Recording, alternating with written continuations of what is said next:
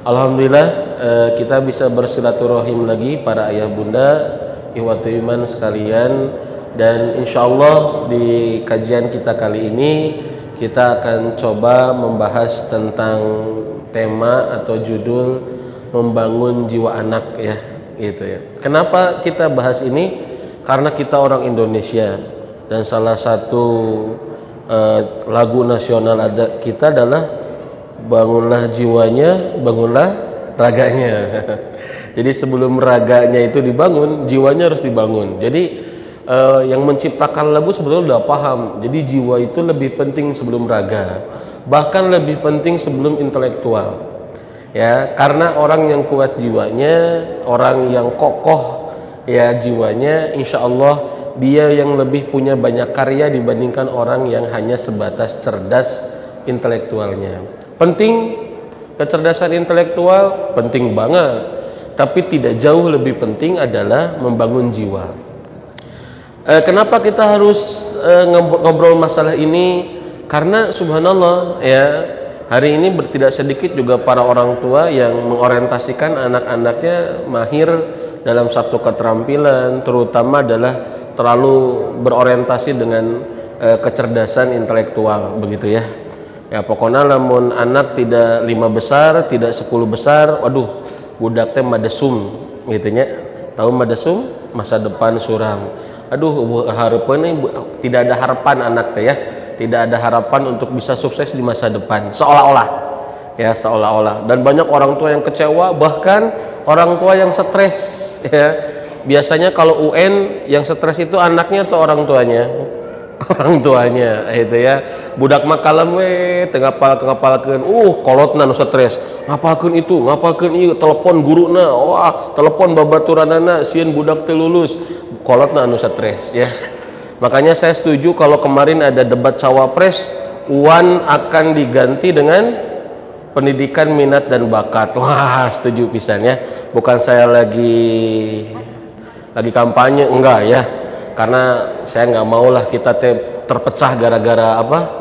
Gara-gara pilpres ya. Karena persatuan mah nomor satu. Kalau presiden nomor dua ya. Jadi janganlah ya begitu ya. Mau nomor satu mau nomor dua terserah ya. Jadi sahabat-sahabat sekalian ya rekan-rekan sekalian eh, apa namanya itu bagus tuh. Kenapa? Sebab kalau ada penelusuran minat dan bakat berarti semua anak itu cerdas semua anak cerdas ya gitu ya. Semua anak itu cerdas. Nah sering sekali karena pemahaman orang tua ya bahkan efek dari lembaga pendidikan yang selalu menuntut anak cerdas itu adalah satu kecerdasan akhirnya orang tua pun tergerus ya dengan konsep-konsep lembaga pendidikan yang menilai kecerdasan itu hanya satu. Akhirnya apa? Anak jadi korban ya anak jadi korban obsesi orang tuanya bahkan anak jadi korban dari obsesi sekolahnya. Ya bahkan penelitian menyebutkan dalam buku FBE Fitra Based Education 90% sekolah-sekolah yang bonafit sekolah-sekolah yang mahal itu 90% siswanya bimbel. Ya jadi udah sekolah mahal tambah bimbel. Pertanyaannya di sekolah naonan wae gitu ya. Itu kalau saya begitu. Saya sampai cabut sekolah eh cabut anak saya dari sekolahan karena gara-gara begitu ya. Ya pulang sekolah kemudian malamnya Abi Umi PR-nya dua bab LKS kata ibu guru kerjakan sama orang tua. Aduh orang numayar orang nunitah ngerjakan gitu ya akhirnya udahlah cabut gitu ya sahan numayar gitu begitu ya ya kan kita bayar ke sekolah supaya anak kita diajarin Nah ini masalahnya adalah guru-guru selalu ngembaliin lagi ke orang tuanya. Kerjain ya di rumah, kalau orang tuanya nggak tahu, cari aja ke Syekh Google yang wajahnya selalu bercahaya. Ya Syekh Google wajahnya selalu bercahaya. Akhirnya metodenya gurunya pakai metode jadul, metode CBSA. Tahu metode CBSA? Cul budak sina anteng, begitu ya. Gurunya sibuk dengan update status, gurunya sibuk dengan urusan-urusan yang lain, bahkan gurunya sibuk diskusi masalah harga tas. harga tas. Masya Allah sabar anu iya lah nganjukna sabar gitu ya. sok berodak buka halaman kerjakan nah itu ya.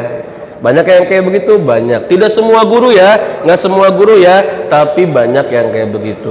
Wallahu alam bisawab oleh karena itu salah satu solusinya adalah orang tuanya harus dikasih edukasi. Orang tuanya harus dikasih ilmu. Orang tuanya harus dipahamkan. Ya membangun jiwa anak-anak kita itu lebih penting dari sekedar melatih kecerdasan intelektualnya. Allah alam bisawab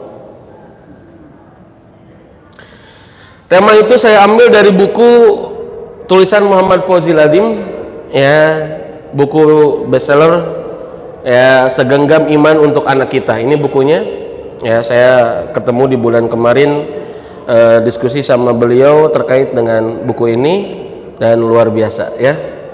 Jadi bukan tema saya sebetulnya itu adalah judul bab kedua dari buku ini yaitu membangun jiwa anak.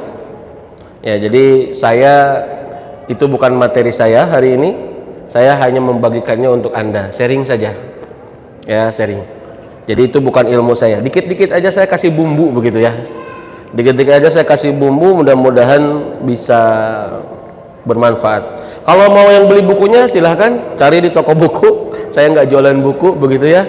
Ya saya hanya mengenalkan bahwa ini buku bagus ya selalu menginspirasi. Kalau tulisan-tulisan Muhammad Fawzil Adim itu termasuk buku yang terlahir adalah tentang positif parenting ya kemarin dibedah bukunya di gedung apa namanya di salah satu masjid.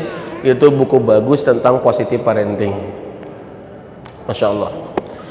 Dari mana kita memulai? Membangun jiwa anak. Membangun jiwa anak memulai dari memotivasi mereka. Jadi membangun jiwa anak itu memulai dari motivasi, membangun motivasi mereka. Ya. Karena kalau anak dimotivasi itu memiliki level energi yang luar biasa. Jadi kalau bahasa filosofnya, mohon maaf ya, ini bukan bahasa Muhammad Pojil Adim. Ada anak malas, ada, tapi lebih tepatnya adalah bukan malas tapi kurang motivasi. Karena anak dilahirkan dalam kondisi fitrah belajar ya fitrah belajarnya ada anak mah jadi kalau ada anak malas sebetulnya masalahnya satu di antara dua apakah tidak ada minat belajar ataukah cara belajarnya yang berbeda?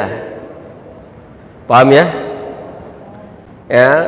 Apakah memang tidak ada minat belajarnya? Ini pelajarannya nggak minat buat dia. Atau cara belajarnya berbe berbeda